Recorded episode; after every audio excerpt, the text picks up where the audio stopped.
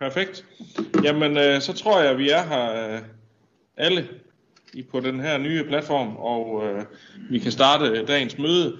Øh, velkommen til, kan jeg sige. Vi har afbud fra Susanne Dyrborg, og Ville Knudsen er med som øh, stedfortræder. Ellers skulle vi være fuldtallige fra de øvrige øh, partier i byrådet. Øh, nu er det jo øh, Teams i dag. Vi forsøger at afvikle øh, mødet på øh, endnu et virtuelt byrådsmøde. Så til øh, jer derude, hvis I vil, øh, vil, vil have ordet undervejs, så øh, vil jeg øh, gerne have, at I bruger den der raise hand funktion. Lige tryk på hånden, og så øh, skal jeg forsøge at holde øje med rækkefølgen. Og øh, når I så har talt, så husk lige at tage hånden ned igen, fordi at, øh, ellers så ja, kan det være lidt svært at holde styr på.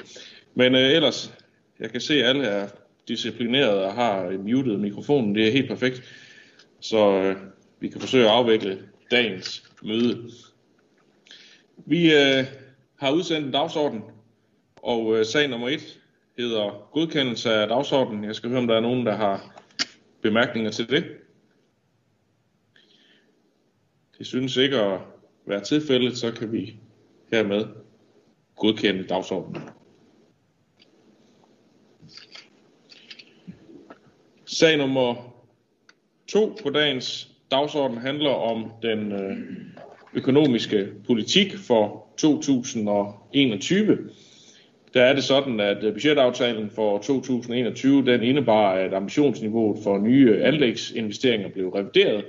Byrådet besluttede, at der fremover skulle prioriteres nye investeringer til en øget bosætning og til strategisk arealudvikling under Vision 2025. Og øh, med budgetaftalen for 2021 besluttede byrådet derfor, at der skal styres efter en række justerede måltal for den kommende budgetperiode. På baggrund af, af heraf skal måltallene i den økonomiske politik revideres, og øh, de ligger nu til, vil jo så efterfølgende komme til at ligge til grund for budgetstrategien for 2022. Og den sag, den er blevet behandlet i økonomiudvalget, og der har man godkendt den indstilling, der var om de reviderede tal, og jeg skal høre, om der er nogen fra byrådet, der har bemærkninger til det. Det synes umiddelbart ikke at være tilfældet, så kan vi også i enighed godkende den økonomiske politik her. Og så kan vi gå videre til øh, sag nummer 3, som handler om øh, opløsning af Fonden for Rytmisk Musik i, øh, i Esbjerg, eller Rytmisk Musik Esbjerg, som fonden hedder. Øh, der har bestyrelsen øh, besluttet at opløse fonden i det fondens hovedformål, nemlig at søge at fastholde et Esbjerg Rock Festival, ikke kan opfyldes, ja, i det fondens økonomiske midler er stort set opbrugt. Af fondens vedtægter fremgår det, at en opløsning skal godkendes af Esbjerg Kommune og dels af fondstyrelsen. Og det har økonomiudvalget godkendt, at den anmodning kan vi imødekomme og indstille til, at fonden opløses, og det ser ikke ud til, at der heller ikke er nogen på byrådet, der har bemærkninger til det. Så selvom det er med en anelse vemod, at vi når hertil øh, efter en lang øh, proces, så må vi så konstatere, at øh, det lykkes ikke, og den fond kan vi så hermed opløse. Det ser det ud til, at vi kan være enige om.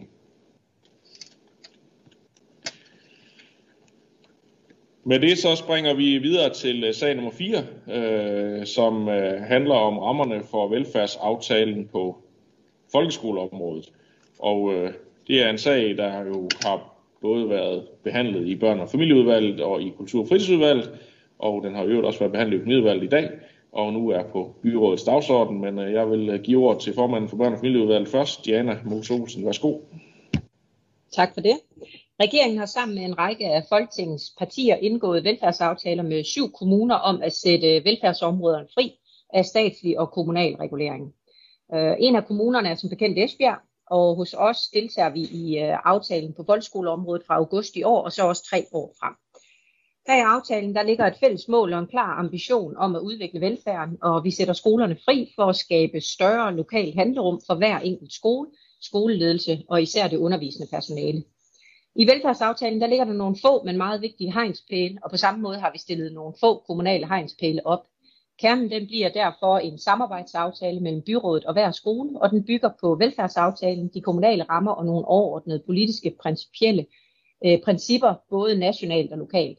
Samarbejdsaftalerne de bliver justeret årligt i den treårige periode, så vi er sikre på, at vi undervejs får tilpasset retning og rammer efter den erfaring og viden, som den nye frihed giver skolerne i virkeligheden.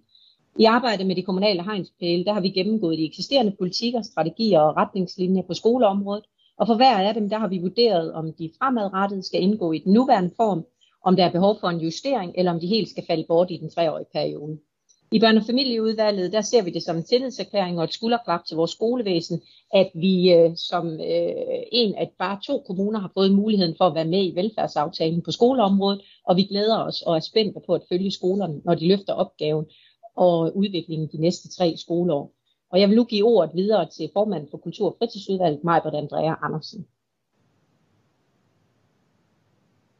Tak for det. Som øh, Diana Mose Olsen lige nævnte, så betyder friheden for skolerne, at en række af de kommunale politikker og strategier og retningslinjer, de øh, bortfalder. Det er selvfølgelig ikke ens betydende med, at skolerne holder op med at arbejde med de konkrete fagområder. Der vil bare ikke længere være formuleret centrale fælleskrav, fordi skolerne netop bliver sat fri til at finde deres egne lokale løsninger. De kan også vælge at holde fast i de tidligere fælleskrav, hvis de synes, at det giver mest mening hos dem. De hegnspæle, som skolerne fortsat skal tage udgangspunkt i, er helt overordnet børne- og ungepolitikken og kulturpolitikken, og så fastholder vi også nogle rammer omkring trivselen og støtte til børn, der har brug for en ekstra hånd. Endelig så øh, gælder styrelsesvedtægtens krav til sygeundervisning og skolestruktur stadig. I Kultur- og Fritidsudvalget har vi selvfølgelig særligt øje for kultur- og fritidsdelen, og her ser vi frem til at følge med i, hvilke nye døre friheden åbner for skolerne. Kulturpolitikken er central, så skolerne får øh, tænkt sammenhæng på tværs af alder, sammenhæng og kommunens øh, strategi, undskyld, geografi med ind i læringen. Og det er vigtigt, at øh, skolerne de arbejder med deres øh, fritidstilbud, øh, som også er en del af rammen, at der fortsat kan være et førskoletilbud. Også i Kultur- og Fritidsudvalget glæder vi os over, at vores skoler har fået den her, kan få den bedste folkeskole i Esbjerg Kommune i fremtiden. Tak for det. Så har Hans Christian Sønderby markeret. Værsgo. Ja, tak for det. Den frihed, Esbjerg Kommune har fået som forsøgsordning på folkeskoleområdet, den er jo helt velkommen øh, i flere kredse. Det er dog en frihed inden for visse rammer, og nogle af dem skal vi selv udforme. Ikke nogen nem opgave med tre meget aktive interne aktører, elever, lærere og forældre. Det overordnede mål, at eleverne skal bibringes de nødvendige kompetencer for livet, skal vi meget gerne stadig kunne leve op til på vores skoler. Selvom vi som byrådsmedlemmer er ind over beslutningerne, betragter jeg mig som absolut lægmand, der er nødt til at læne mig godt op af de forvaltningsmedarbejdere, som er betroet denne vanskelige opgave. Det er altid vanskeligt at sætte rammer, men når det i, som i den sag er særlig vanskeligt, er det fordi jeg gennem tiderne har lyttet mig til meget forskellige ønsker og syn på skolen hos de tre grupper, selvom de virker inden for de samme fysiske rammer. Jeg har heller ikke selv de samme ønsker som elev, som dem jeg senere havde som forældre. Det er min opfattelse, at det vi skal tage stilling til, er fremkomme under et vist tidspres, men med et fint resultat, som jeg naturligvis med de bemærkninger her stemmer for. Tak for ordet. Tak for det. Så er det Jakob Lose. Jamen, øh, tak for det. Det er jo øh, ret skægt og fedt, synes jeg, at vi har sådan en sag her, som der først træder i kraft dybest set om, øh, om seks måneder, men hvor alle jo bare har kastet sig over den her spændende proces, og det gælder både også øh, politikere, en hel masse borgere, øh, skoler og også, øh, også eleverne. Det, øh, det er i hvert fald sådan et, det er noget atypisk sag, kan man sige, og det er fedt, at der er det engagement allerede nu. Jeg vil også sige, at øh, da vi havde en gennemgang her på et øh, børn- og familieudvalgsmøde her for ikke så længe siden, hvor vi jo egentlig fik legnet op, hvor mange rammer og principper vores øh, skole den styres efter i dag, og jeg kan godt afsløre, at der er mange, så er det faktisk også helt øh, spændende lige at, at få sådan et tjek af, jamen, hvad er det egentlig for nogle regler og rammer, som vi har i dag. Og det resultat, øh, det er så det, som vi, vi kigger på og, og skal vedtage her i dag. Jeg er helt sikker på, at der er nogen, der synes, vi har fjernet for mange principper. Der er sikkert også nogen, der synes, vi har fjernet for få. Og derfor synes jeg også, det er vigtigt at fremhæve, at øh, der er jo med i den vedtagelse, som, som vi har her i dag, også er det, som man kalder for en udfordringsret. Hvor skolerne jo rent faktisk kan gå ind og sige til os, den her regel her, den kunne vi godt tænke os at udfordre jer på, kære politikere. Og så kan man så øh, få bragt en sag op i udvalget, og øh, hvis der er stemning for det, så piller man så den, den regel ud. Det er også vigtigt at understrege, at der jo er tale om et øh, projekt, som der løber over tre år, hvor vi også har sagt til hinanden og til skolerne, at det er vigtigt, at man både lærer og også itererer undervejs. Altså ændrer de ting, som der ikke fungerer, bliver klogere og så lave nogle nye ting. Og derfor så kan vi også næsten med garanti sige nu, at de regler og rammer, som øh, vi vedtager i dag, kommer til at se anderledes ud, når vi kommer på den anden side af det her projekt her om, om tre år. Og det synes jeg faktisk også er rigtig, rigtig fedt og spændende, at man i den grad kan være, kan være medskabende, øh, også helt ude i de enkelte klasserum, for det er sådan set det, der er mål. Så det bliver rigtig sjovt der, og jeg synes, vi skal, vi skal vedtage sagen, som ligger. Tak for det. Hvis I så lige tager hænderne ned igen, så kan jeg lige øh, øh sætte et par ord på øh, et, et yderligere element, nemlig at øh, der er jo rigtig mange interessenter, ud over dem, der er direkte tilknyttet den enkelte skole, øh, som øh, også har en mening om det her og gerne vil komme med deres input. Øh, jeg vil sige, øh, øh jeg og udvalgsformanden er nok nogle af dem, der får flest henvendelser fra alverdens øh, øh, i den bedste mening, der kommer med deres øh, lige præcis øh, gode idé til, hvordan vi kunne udvikle øh, den bedste folkeskole her. Og vi vil rigtig gerne øh, tage imod alle de input, og derfor øh, planlægger vi faktisk at afholde et, øh, et stort møde, og det bliver nok øh, så i form af et webinar, fordi at øh, tiderne er, som de er.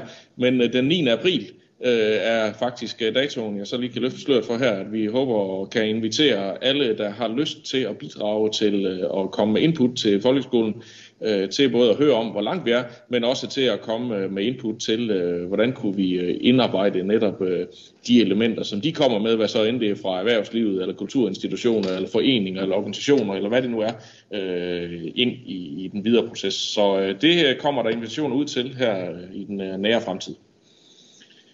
Yes, men øh, der er ikke nogen, der har talt øh, imod, og det er jo heldigvis heller ikke det, vi har oplevet undervejs. Det er noget, vi har stået sammen om og haft en, rigt, nogle rigtig gode øh, dialoger omkring.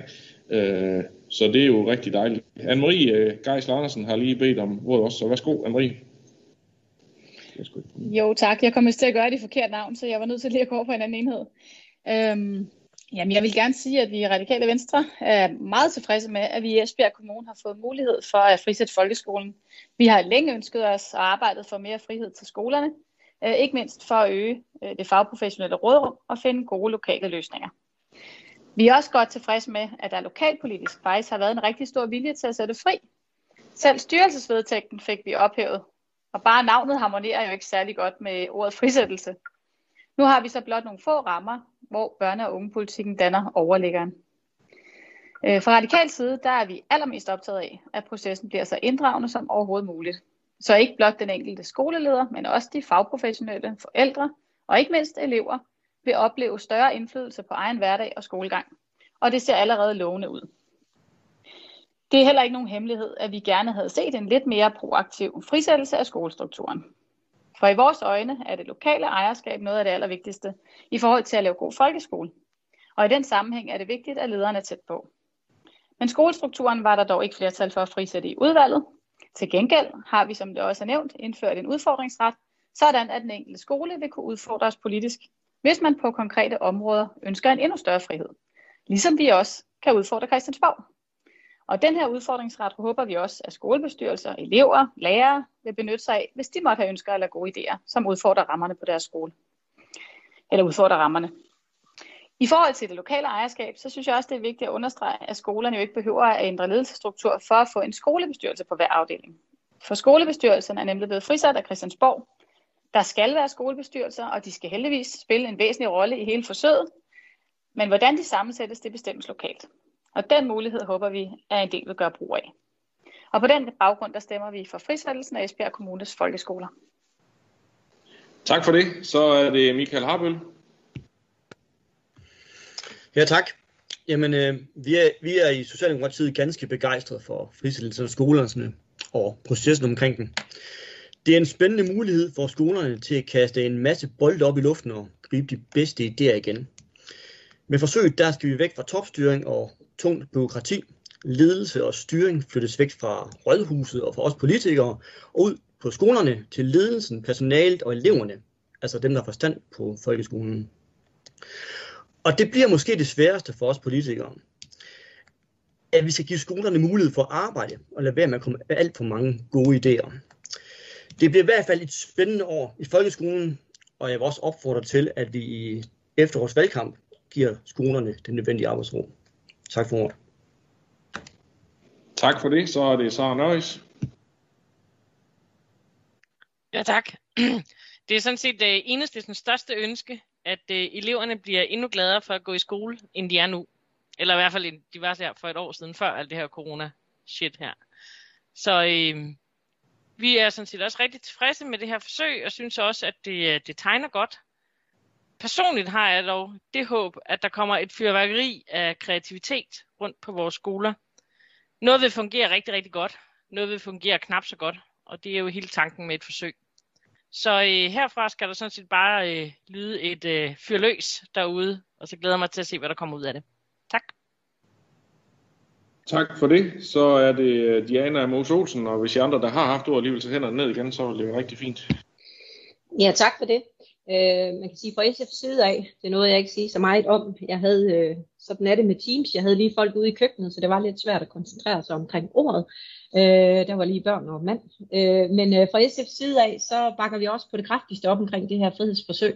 Øh, jeg synes, det er helt fantastisk, at vi får muligheden for at frisætte vores folkeskoler fra en masse rammer, som øh, på mange områder jo er sat nationalt, men jo rent faktisk også lokalt. Jeg er faktisk ret overbevist om, at det bliver øh, super godt øh, fordi vi allerede nu ved flere lejligheder har haft fornøjelsen af at møde vores skoleledere, men faktisk også lytte til vores skolebestyrelser, som allerede er godt i gang med at arbejde med masser af nye idéer.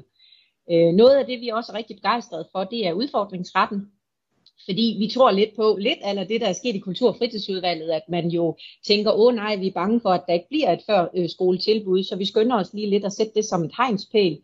Øh, det kan der komme flere af, øh, også undervejs, når forældre begynder at komme og klage over, at øh, deres børn eksempelvis ikke får præcis det samme tilbud fra den ene skole til den anden skole, jamen så kan man ende med at sætte endnu flere rammer op. Det vi skal ture nu, og det jeg håber på, at vi alle sammen kan være enige om at ture, det er faktisk at give skolerne øh, retten til at være forskellige. At lade dem komme med alverdens forskellige artede, øh, spændende idéer og, og kreative løsninger, og det lyder til, at de allerede er godt i gang derude. Hvis jeg tager formandskasketten på igen, så vil jeg sige øh, til øh, Kultur- og fritidsudvalget, at øh, vi sådan set ikke har nogen problemer med førskoletilbuddet. Vi øh, var måske et andet sted, da vi talte omkring øh, før skole, eller smart skolestart. Vi øh, var så overbeviste om, at øh, de har taget det til sig på en sådan måde, at engagementet derude har vist, at de jo har udvidet smart skolestart til at være meget mere end de øh, minimumsrammer, som øh, vi har sat i børnefamilieudvalget og kultur- og fritidsudvalget tidligere at vi faktisk er ret overbevist om, at det fortsætter. Nu er det så sat som en hegnspæl, at der skal være et førskoletilbud, og så vil jeg så igen sige, med mindre udfordringsretten der træder ind. Hvis nu der kommer en skole og siger, at vi har en helt anden idé, vi vil have, øh, hvad hedder det, rullende skolestart, vi vil have alt muligt andet, jamen så synes jeg jo, at vi skal give dem lov til det. Øh, man kan sige, at skolestrukturen bliver lige nævnt igen. Øh, man kan vente om og så spørge sig selv, om det er et frihedsforsøg at øh, rulle skolestrukturen tilbage for alle, eller om vi rent faktisk nu skal give mulighed for, at der arbejdes decentralt på lige præcis øh, den organisering og den ledelsesform, man gerne vil have. Det er rigtigt, at vi har sagt, at skolestrukturen som sådan ændrer vi ikke fra starten af, men lad os nu se, hvad der sker om tre år. Jeg er ret spændt på det. Øh, jeg kan i hvert fald høre fra skolelederne, fra skolelærerne, fra pædagogerne, fra BOPL og ILF, at øh, det blomstrer derude med kreativitet, så jeg er ret spændt på det. Tak for det. Så er det øh, Henrik Valø. Ja, for lige at følge op på det, Diana siger, så synes jeg, det bliver rigtig spændende at se, hvordan kreativiteten netop vil, øh, vil udfolde sig her på dette område. fra borgerlistens side, så ser vi bestemt frem til at følge hele den her velfærdsaftale og, frisætningen af skolerne i Esbjerg Kommune. Vi håber på, at det kan være med til at skabe endnu bedre rammer for læring, højere trivsel og tryghed i skoledagen, og alt sammen i, i rigtig gode, trygge rammer for børnene i vores skoler. Det er ligesom dem, det, handler, det hele her jo handler om. Så det, det bliver rigtig sjovt og spændende at følge med i det her øh, treårige forsøg. Tak. Tak for det. Så er det Anne-Marie Geisler Hansen igen. Og det var bare lige for at øh, opklare, at hvad hedder det, vi havde i hvert fald radikale venstre havde ikke nogen ønske om at rulle skolestrukturen tilbage for alle. Vi havde blot et ønske om at frisætte den til at starte med. Øh, man kan sige, hvis, øh, hvis skolerne jo så ikke vælger at gøre det, så fortsætter det jo, som det plejer at gå ud fra, ligesom med øh, smart skolestart også, at hvis man ikke vælger at, at, at bruge den der frisættelse fra, øh, fra førskolen, så kører det også, som, som det hidtil har kørt gået ud fra. Så, så det er jo bare lige, øh, jeg tænker, det er det samme, og det er jo også derfor, vi tænker, at den der udfordringsret jo også, at vi er glade for den, fordi var der en enkelt skole, der havde lyst til at gøre brug af det her, så kunne vi jo så se på det. Ja. Yes, mig, Britt André Andersen.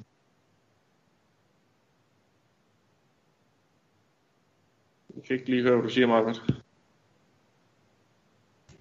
Undskyld, jeg glemte at tænde mikrofonen. Jeg fik taget hånden ned i stedet for.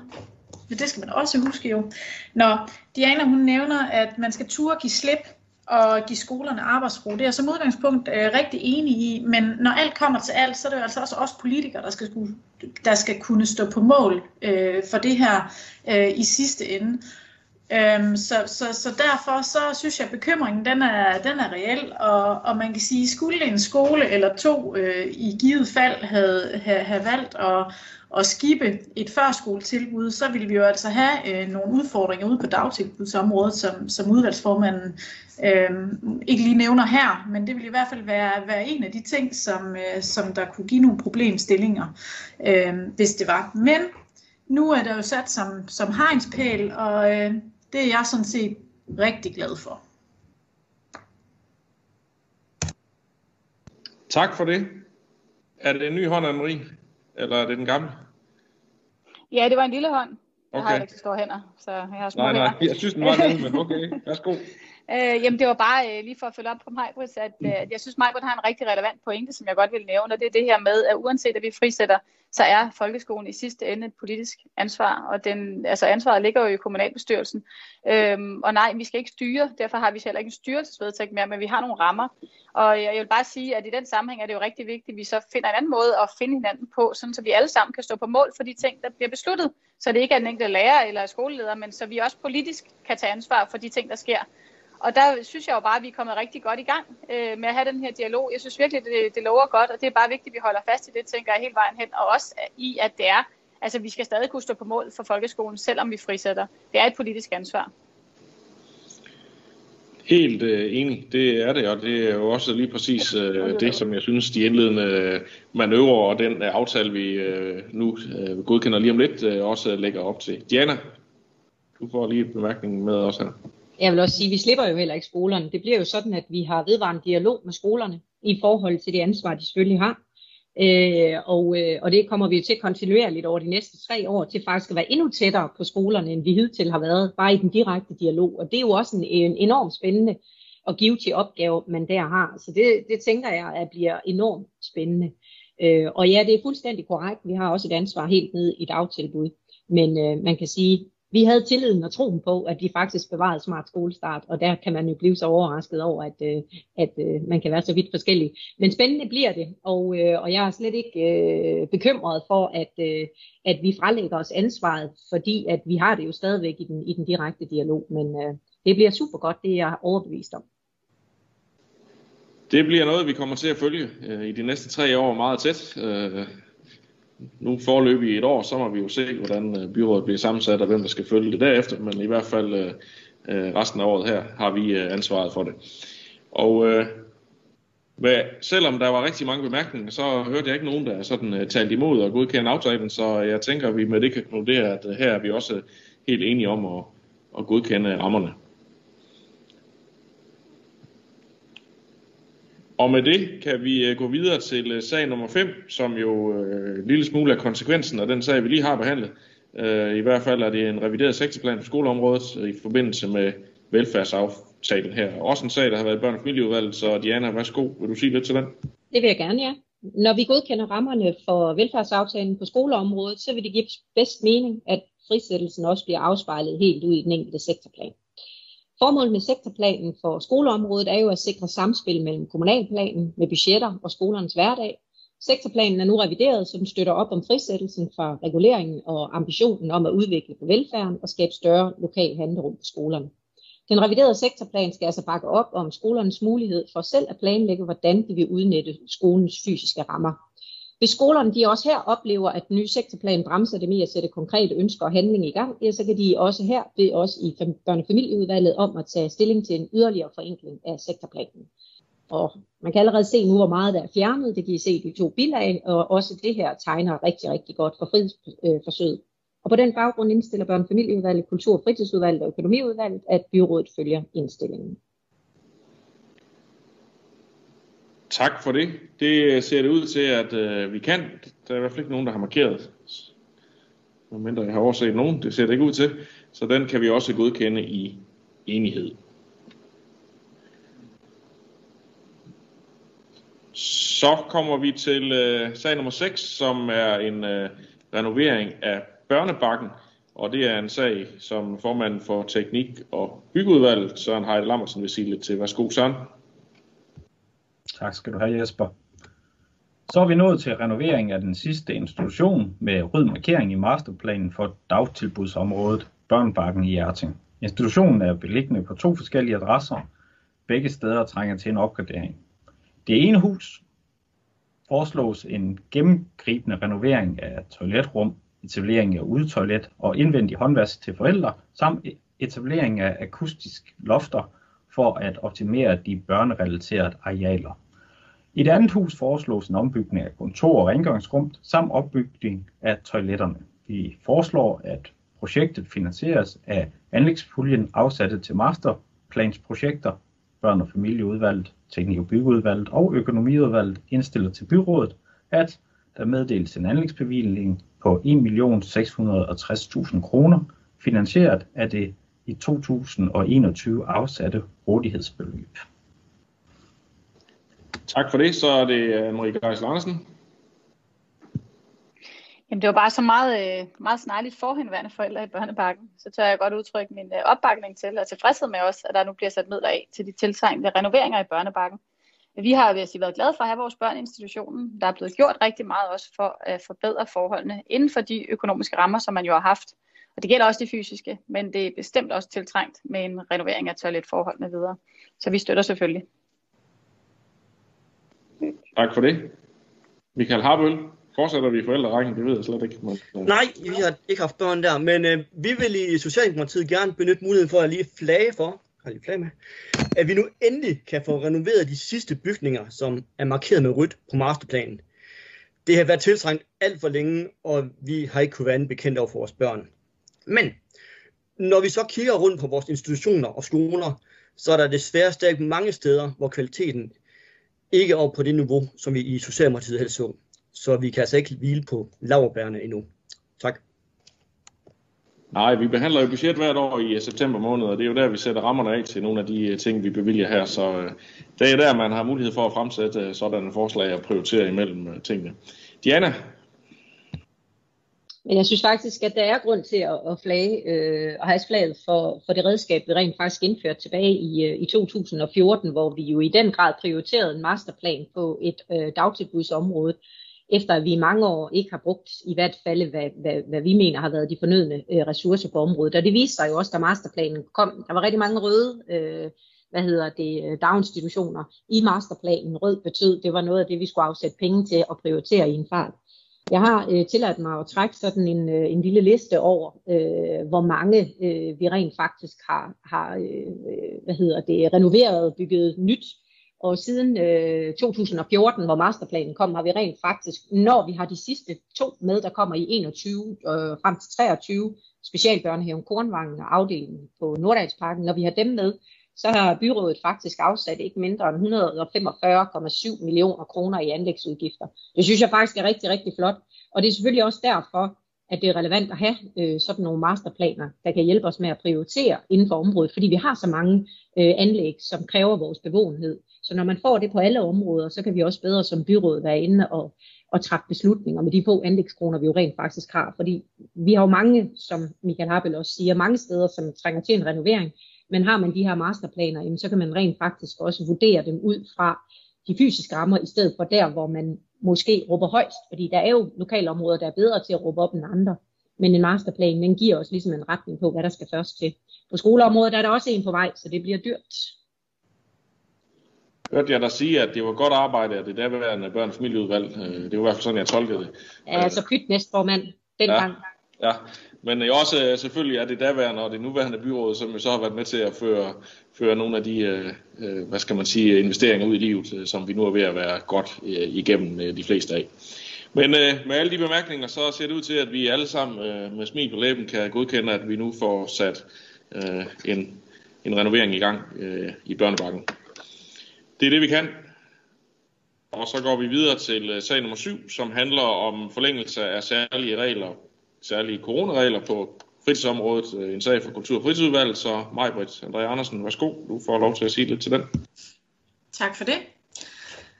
Som vi alle sammen ved, så er corona jo desværre fortsat en del af vores hverdag.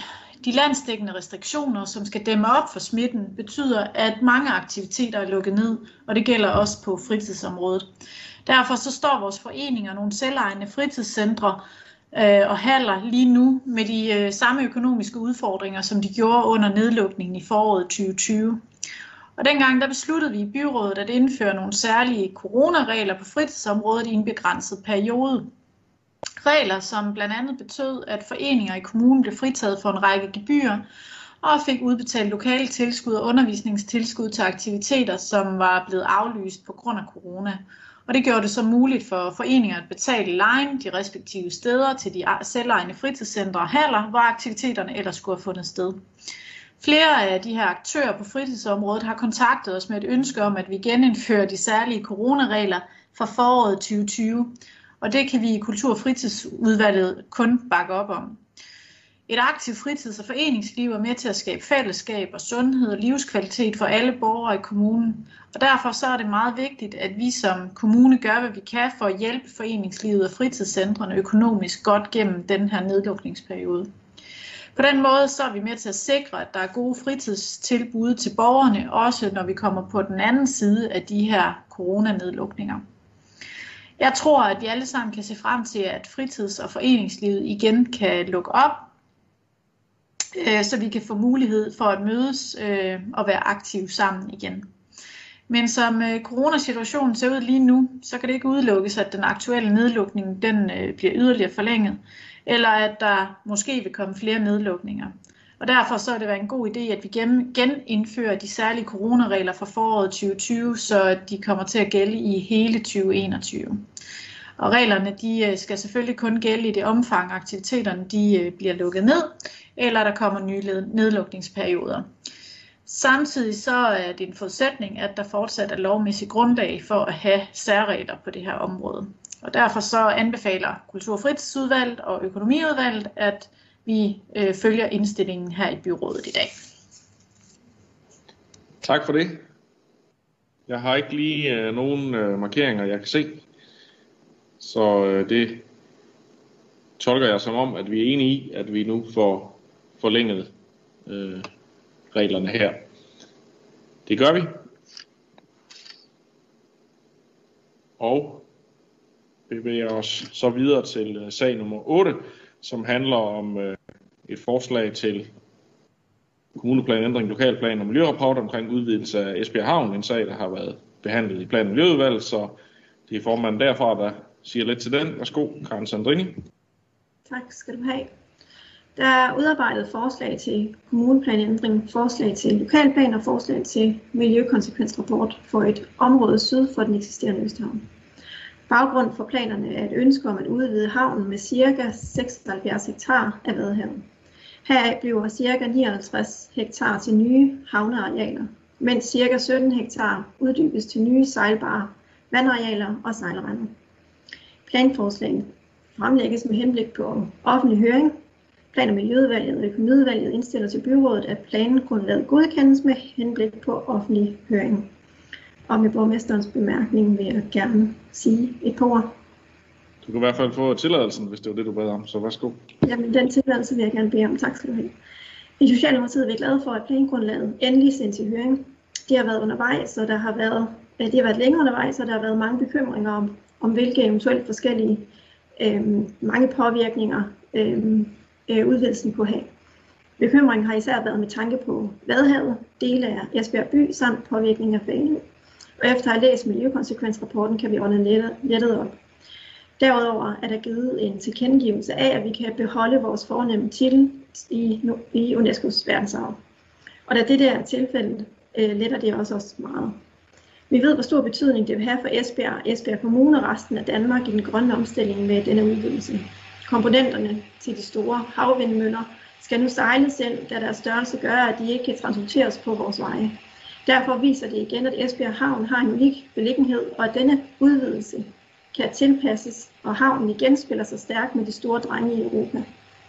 Som udvalgsformand håber jeg, at man tager ordet nu, og så ellers lader havnen få sin høring. Borgernes input glæder mig meget til at læse. Det samme glæder jeg mig til. Øh, jeg glæder mig til at høre, hvad I stemmer, når sagen vender tilbage til byrådet. Tak for ordet. Det her det er jo en sag, der har været øh, lang tid undervejs. Øh, det er jo øh, et ønske fra Esbjerg Havn om at lave en, en udvidelse, en nødvendig udvidelse, hvis man fortsat vil spille den uh, rolle i, uh, i havvindindustrien, som vi gerne vil lokalt, og som uh, man også er national, uh, har nationale interesser i. Uh, og for Danmarks skyld er det absolut øh, vigtigt, at vi kommer til at sikre det øh, i Esbjerg, øh, fordi at vi konkurrerer måske i høj grad med, at øh, at alle de arbejdspladser og de aktiviteter her, de kunne ende øh, uden for Danmarks grænser, hvis ikke øh, vi fra, øh, fra Danmark, fra Esbjerg kan øh, honorere de krav, som fremtidens øh, havvindindustri den kræver. Så det er en spændende proces, og, og, og der har jeg, jeg har også med interesse læst alle de forskellige øh, vurderinger, der er blevet foretaget undervejs. Øh, det er en meget, meget grundigt undersøgt øh, sag, øh, som jo heldigvis øh, viser, at øh, at øh, de påvirkninger, der er på forskellige vis, øh, de er meget, meget, meget små, og derfor øh, øh, øh, fornemmer jeg også, at øh, der er en positiv stemning omkring den her sag fra nogle af de øh, interessenter, der har været lidt skeptiske indledningsvis, men nu har set, at, at vi rent faktisk her ser ud til at kunne lave en udvidelse, der ikke har øh, nogen væsentlig påvirkning miljømæssigt eller, eller på anden vis. Øh, så, så det bliver rigtig, rigtig spændende at følge. Og så kan man sige, at det er jo vigtigt, at vi forholder os til, at det jo sådan set er staten, der er myndighed på selve havneudvidelsen, men øh, det vi forholder os til, det er så de aktiviteter øh, og det, man må gøre øh, på de øh, øh havnearealer, der også er i, øh, i statslig behandling der. Øh, hvor højt må man bygge, og hvor meget må man støje osv. Øh, så øh, på den måde kører tingene jo parallelt, og, og øh, det er bare en spændende og en, en vigtig sag, som, øh, som vi her øh, nu i dag behandler og forhåbentlig sender i enighed i offentlig høring. Det er i hvert fald sådan, den er blevet behandlet i, i fagudvalgene. Det må vi jo se, når vi hører bemærkningerne her. Der er et par stykker, der har bedt om, øh, om ordet, og jeg tager lige Jørgen Bosen Andersen ind først. Han kan ikke finde sin hånd, men, men har alligevel ønsket ord. Så Jørgen, du får lov til at sige noget. Jeg håber ikke, det er alvorligt.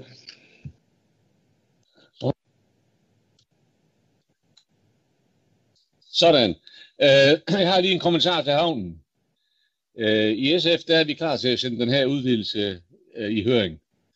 Det er et stort og omfangsrigt projekt, øh, som er rigtig godt belyst både med hensyn til miljø, behov for kapacitet og hvordan havnen kan udvides. Ikke kun i forhold til det nye kajanlæg, men også i forhold til havnen som i sin helhed. Som vi ser det, er det nødvendigt med mere plads, når vi skal imødekomme de mange nye udfordringer, der venter både i forhold til produktion og udskibning af havvind. Om få år er den nuværende kapacitet fuldt udnyttet. Det har vi oplevet ved flere øh, rundvisninger og besøg på Esbjerg Havn, og det fremgår jo også tydeligt af den ansøgning om udvidelse, der her foreligger. Man kunne måske sige, om vi ikke kunne nøjes med at udnytte de ledige områder, der findes rundt omkring på havnen i dag. Det er ca. 200.000 kvadratmeter. Men det er vi blevet overbevist om ved at have besøgt det nogle gange, at det er ikke tilstrækkeligt til det store potentiale, der heldigvis også venter. Og kunne man anvende nogle huller, hvis man kan sige det sådan, rundt omkring ville det ikke være hensigtsmæssigt både i forhold til pladsforhold samt adgang for tung trafik, som det også medfører med sådan en havneaktivitet. Derfor er vi enige om, at der er behov for udvidelsen på de 575.000 kvadratmeter, og vi tror også på, som ansøgningen antyder, når den øh, nye udvikling rigtig kommer i gang, vil der også blive øh, fyldt op med masser af andre øh, tilsøgende aktiviteter på hele havnen. For det er jo ikke bare kaps øh, kajplads, vi kommer til at mangle. Det er mindst lige så høj grad plads til at etablere diverse anlæg og bygninger, samt mindst, øh, ikke mindst en vindmøllefabrik. Da møllerne jo efterhånden bliver så store, at de ikke kan transporteres på vejene.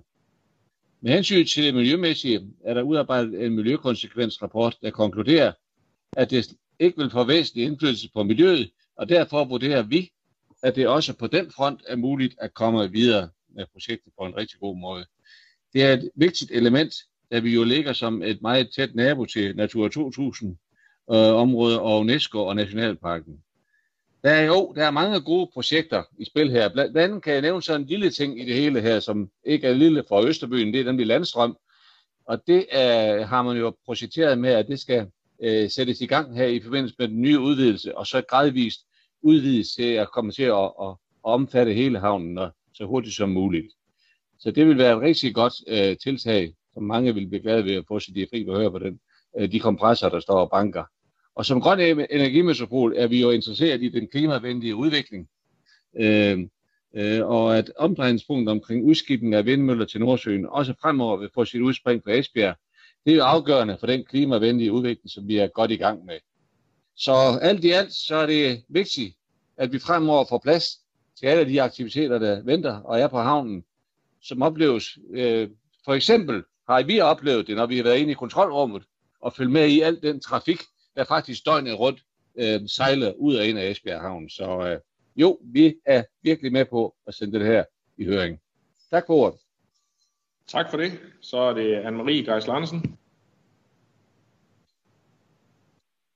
Ja, nu tog Jørgen jo lidt af ordene ud af munden på mig, men jeg tillader mig at sige det samme, som jeg havde, havde tænkt mig at sige.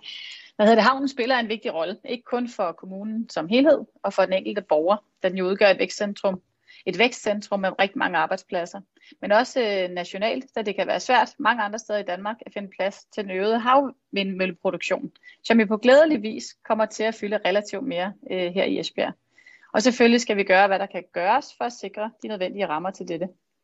I Radikale Venstre der er vi også særligt optaget af den rolle, som havnen spiller i hele den grønne omstilling. Og umiddelbart, der er vores eneste kommentar her forud for høringsprocessen, at vi mener, at man snarest muligt bør sørge for etablering af landstrøm, som SF også var inde på, til de større skibe med videre. Øh, landstrøm, landstrøm nævnes som et muligt øh, tilvalg i forhold til en klima havn. Vesthavn. Øh, med de målsætninger, vi har som byråd for kommunen som helhed, der bør vi efter Radikal Venstres overbevisning hurtigst muligt arbejde for etablering af, af landstrøm. Og dette det vil jo både kunne gøre det mere attraktivt at lægge til i Esbjerg, skal også billigere, ligesom det vil kunne afhjælpe nogle af de gener, som borgerne i Østerbyen har i, forhold, i form af lavfrekvent støj for skibe, der ligger i havn, som, øh, som Jørgen Bosen også nævnte. Der er altså mange ting, der taler for at være ambitiøse i forhold til etablering af landstrøm, så det støtter vi. Og vi støtter at sende forslaget om havneudvidelsen i høring. Tak for det. Sara Nøjes. Ja, tak. Øhm, vi har set øh, frem til, til den her øh, miljøkonsekvensrapport øh, i meget lang tid. Øh, nok i virkeligheden øh, sådan lidt øh, med håbet om, at øh, det, der var noget, vi kunne hænge vores hat på, sådan så vi helt entydigt kunne sige, det kunne vi selvfølgelig ikke være med til. Det har vi så ikke lige fundet, må jeg indrømme. Øh, den er meget grundig, den er meget øh, dybtegående, og øh, der er øh, ikke rigtig noget, lige umiddelbart i hvert fald, der bekymrer os. Jeg synes, der er taget hensyn til snart sagt hvad som helst, og tingene er blevet undersøgt, alt fra meget små øh, dyr og vandplanter til øh, øh, ynglefugle, og jeg skal komme efter dig. Jeg synes, det er et rigtig godt stykke arbejde, og øh, som det ligger nu, så er vi selvfølgelig med på at sende tingene i høring, dermed ikke sagt, at hvis, ikke der, hvis der fremkommer noget undervejs i høringsperioden, så øh, kan vi ikke afvise, at vi ikke kan støtte en udvidelse. Men som det ser ud nu, så ser det meget positivt ud. Jeg har lige en kommentar til øh, de to øh, foregående talere, Anne-Marie og, og Jørgen Bosen, som øh, konsekvent nævner Østerbyen i forhold til, til støjen fra øh, for eksempel øh, kompressorerne til, øh, til, til strøm nede på havnen. Så det kan man altså også godt høre der, hvor jeg bor. Bare lige sådan. Lille bemærkning. Men øh, med det sagt, så øh, støtter enhedslisten, at vi sender tingene i høring. Tak. Vi har jo en stor havn, der bevæger sig langt fra øst til vest, så, så det er selvfølgelig øh, noget, man kan høre øh, flere steder end, end der, hvor I lige nævner det. Vi har lige øh, Hans Gård Sønderby på, så er der ikke flere på listen for det. Ja, jeg skal ikke gå nærmere ind i projektet, men øh, jeg vil gerne på Esbjerg-listens vegne udtrykke, at vi er meget glade ved, at havnen har brug for en øh, udvidelse, fordi det sætter jo samtidig det signal, at der er udvikling i Esbjergs erhvervsliv, og det har vi absolut brug for. tak for ordet.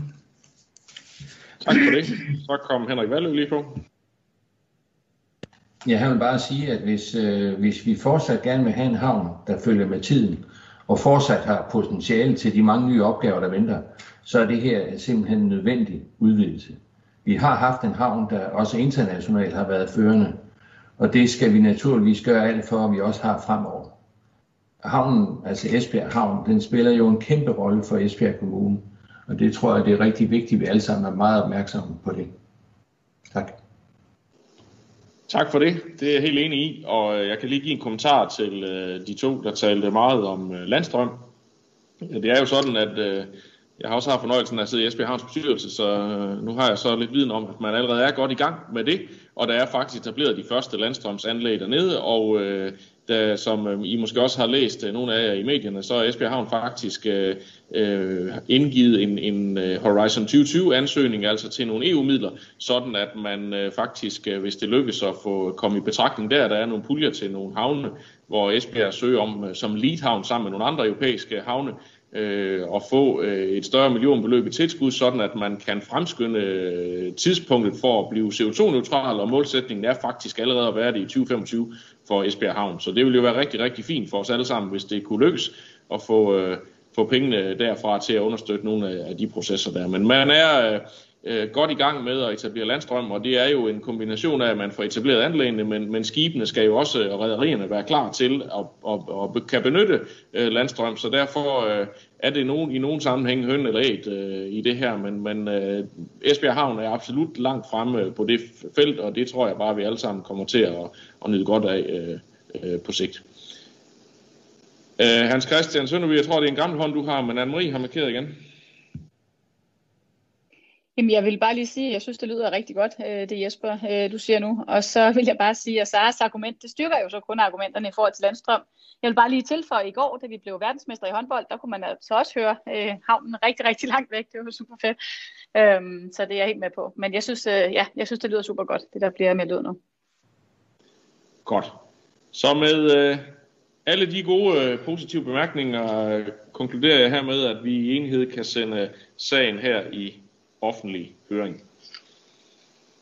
Det er det, vi gør, og går videre til den sidste sag på den åbne dagsorden, sag nummer 9. Øh, en sag om fritagelse af skolerne for nationale test. Et, en sag, der er fremsat af enhedslisten, så Sara Nøjes, vil du øh, sætte nogle ord på den? Det vil jeg i hvert fald. Jeg vil i hvert fald forsøge. I enhedslisten ønsker vi ikke, at fjernundervisning måles på, med samme midler og på samme måde som fysisk undervisning, hvor lærer og elever er sammen. De danske skoleelever har i undervisningshenseende i månedsvis befundet sig i et limbo. De har været hjemsendt i længere perioder og har været henvist til digital kontakt eller en skoledag med rigtig mange restriktioner. Det har helt naturligt haft konsekvenser for elevernes læring og ikke mindst deres trivsel. Glæden ved at dygtiggøre sig har svære vilkår i fjernundervisning. Risikoen for, at eleverne føler sig udbrændte og demotiverede, er meget mere sandsynlig. Elevernes nysgerrighed og mulighed for at give noget tilbage til fællesskabet har meget trange kår ved digital undervisning, uanset hvor meget lærerne end forsøger. Lærerne eksperimenterer og har eksperimenteret for at udvikle undervisning, der motiverer eleverne til at deltage. Og i den kontekst mener vi, at det er respektløst, hvis målestokken over deres arbejde er nøjagtigt den samme som ved almindelig undervisning. Fjernundervisningens vilkår er en helt anden, og det tror jeg ikke på, at der er nogen af jer, der er uenige med mig i. I enhedslisten så vi sådan set gerne, at de nationale test helt blev afskaffet. Det de for det første er fejlbehæftet, og for det andet på ingen måde giver et retvisende billede af elevens reelle faglige niveau. Samtidig frygter vi, at nogle elever simpelthen på baggrund af det seneste år får det mentalt dårligt. Ikke bare at skulle tage testen, men også hvis de klarer sig dårligere, end de sådan set selv forventede. Det er et pres, der er absolut ingen grund til, at vi lægger på vores børn og unge og på deres skuldre i den her tid. Så derfor foreslår enhedslisten, at skolerne fritages fra at deltage i de nationale test i 2021. Og da vi jo ikke desværre selv kan bestemme det her, ikke helt nu i hvert fald, så øh, er det vores oplæg, at borgmesteren og udvalgsformanden kontakter under, undervisningsministeriet og beder om en fritagelse. Tak for ordet. Tak for det. Så er det Diana Måns Olsen.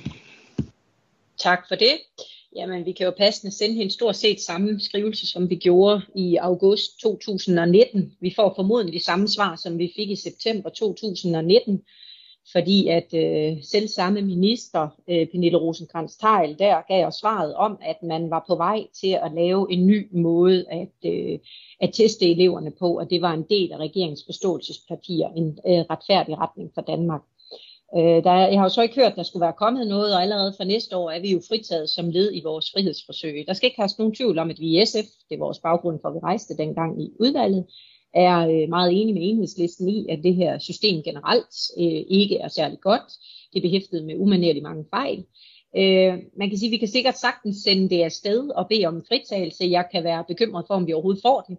Jeg ved jo så også, at man fra Christiansborg, fra flere politikers side, er på vej til at presse ministeren øh, til at kigge på det her område, netop på baggrund af de argumenter, som Nørris har fremlagt, nemlig at eleverne jo har været hjemsendt så længe, så det er simpelthen urimeligt, at man øh, skal påbegynde skoledagen, når de forhåbentlig starter igen med at, at, at arbejde med test. Så for så vidt det her angår, der har vi ikke nogen problemer med at bakke op om det i SF. Tak for det, Anne-Marie Geisel Andersen. Ja, det er lidt det samme. Du, altså i Radikale Venstre, der har vi også længe ønsket at komme helt af med de nationale test. Generelt, der synes vi, at der er for meget fokus på test, krav og resultater i forhold til nutidens børn og unge. Og vi har da også tidligere selv forsøgt at foreslå en frisættelse for disse, i, øh, altså for testen her i børne- og familieudvalget, ligesom vi, som Diana siger, som udvalg allerede har søgt om dispensation øh, herfra, og desværre har fået nej. Øhm, så vi som radikale dermed ikke imod at blive fritaget, og kan godt følge øh, enhedslistens argumenter langt hen ad vejen. Spørgsmålet er bare, som SF også er inde på, om der er nogen chance for, at vi får dispensationen. Der har været corona, og er corona, ja, men det gælder jo samtlige kommuner. Øhm, ja, så hvis man ville det fra Christiansborg, så tænker jeg jo, at man, øh, ja, at man nok allerede var gået den vej, eller havde overvejet det. Øh, og desuden så kan man sige, at det her med, at vi er frisat fra de, de nationale test de kommende år, det kan jo både tale for og imod, at vi skulle få lov at slippe i år. Men holdningsmæssigt der, øh, og indholdsmæssigt, der støtter vi ønsket. Og der er mange andre ting i vores øjne, som lærere og pædagoger får brug for at kunne fokusere på, når børnene forhåbentlig snart kommer tilbage i skole igen. Det gælder ikke mindst det sociale og børnefællesskabet. Ja, det var, hvad jeg havde første omgang. Tak for det. Så er det Jakob Lose. Jamen, øh, også tak for det. Man kan forstå, at pressen af det her, det er sådan lidt et, øh, et forslag, som enhedslisten turnerer i forskellige kommuner rundt omkring i, i Danmark lige i øjeblikket. Så det er ikke kun her i Esbjerg Byrådet, at man behandler et sådan forslag. Som der er flere, der har været inde på, så øh, er det jo altså sådan, at lige om lidt, når det er, at vi indgår i frihedsforsøget, så frafalder kravet om de nationale test. Og, og derudover så er det altså kun et andet år siden, at vi i børn- og familieudvalget øh, søgte om at fravige de nationale test, hvor vi som bekendt ikke fik lov. Det var et øh, stort flertal i børn- og familieudvalg dengang, som der, der sendte den her henvendelse til, til ministeren, men det gjorde ikke et stort indtryk. Så forsøget er gjort, og jeg tænker heller ikke, hvis det er, at man lavede en udvalgsbehandling, at øh, positionerne de har flyttet til ret meget siden dengang. Men når det er sagt, og selvom der er tale om sådan lidt et copy-paste-forslag fra enhedslisten, så vil vi i Venstre gerne foreslå, at sagen den oversendes til behandling i børn- og familieudvalget af følgende grunde. Dels for at få en vurdering af, om vi netop i en coronatid, hvor vi altså ikke ser eleverne lige så meget, som vi plejer, rent faktisk kan få brugbar viden om vores elever ud fra de nationale test, og derudover også få en vurdering af, om datagrundlaget kan bruges til det kommende frihedsforsøg. Så vores anbefaling skal være, at vi sender forslaget til behandling børn- og. Og det er jo faktisk et øh, procedurforslag, som, øh, som vi er jo er nødt til at forholde os til øh, med det samme. Øh, altså øh, dermed, hvis der er flertal for det, så stopper behandlingen af sagen øh, her. Øh, og, øh, og derfor skal jeg, nu trækker jeg lige tiden lidt for at bede jer om at logge ind i afstemningssystemerne, fordi at, øh, det bliver vi nødt til at bare at, at sætte til, øh, til afstemning øh, øh, forslaget om, at vi øh, sender sagen oversendes til børne- og familieudvalget, sådan, sådan at øh, man kan få en drøftelse i fagudvalget om det, og også få øh, Øh, en, en vurdering af, om, om øh, den øh, særlige situation, vi er i i år, den gør, at, at der er nogle ting, man skal lige være opmærksom på, inden man sender, i givet fald sender en, en anmodning. Så øh, jeg kan se, at, øh, at øh, der er åbnet for et øh, forslag, øh, en afstemning derinde, øh, om at sende, sende forslag tilbage til børne- og familieudvalget. Øh, Ja, nu tror jeg, at teknikken driller mig lidt i hvert fald. Jeg kan ikke se det nogen steder. Nej, men øh, ellers øh, skriv i chatfunktionen, hvis ikke I kan. Det kan jeg se, der er nogen, der lige øh, øh, gør, af dem, der har lidt svært ved at komme øh, på. Jeg kan i hvert fald se, at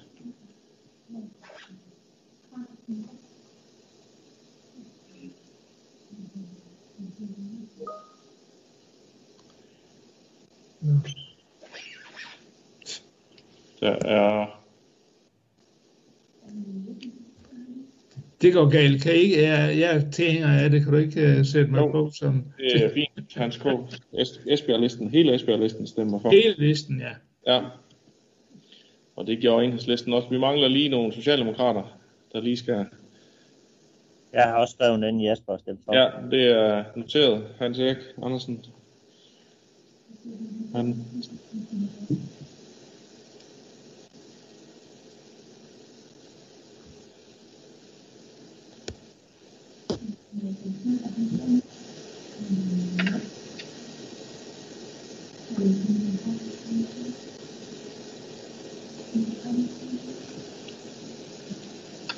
Michael Harbøl, kan Jesper, du... øh, Jesper, det var jeg lige kunne få ordet.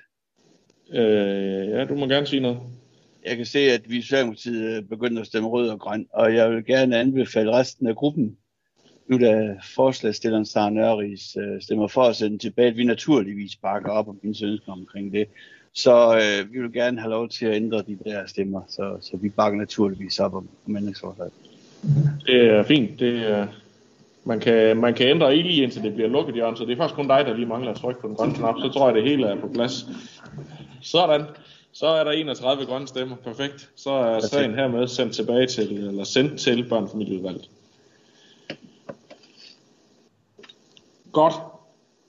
Det var dermed øh, afslutningen på den åbne del af byrådsmødet, så tak til jer, der kiggede med. Og så har vi lige et par lukkede sager bagefter.